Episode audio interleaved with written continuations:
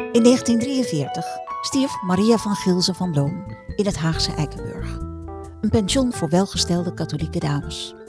Hoe kwam deze van oorsprong jongste tellig van wethouder Emiel van Loon uit Roosendaal daar terecht?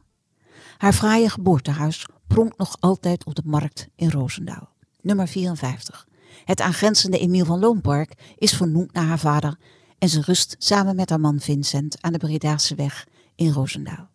We gaan op zoek naar de antwoorden in deze podcastserie met de titel Suiker en het zoete leven van Maria van Loon.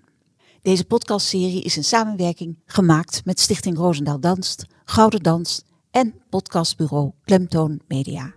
Hou je dansschoenen bij de hand en abonneer je alvast op dit kanaal via jouw favoriete podcast-app. Dan hoef je niets te missen.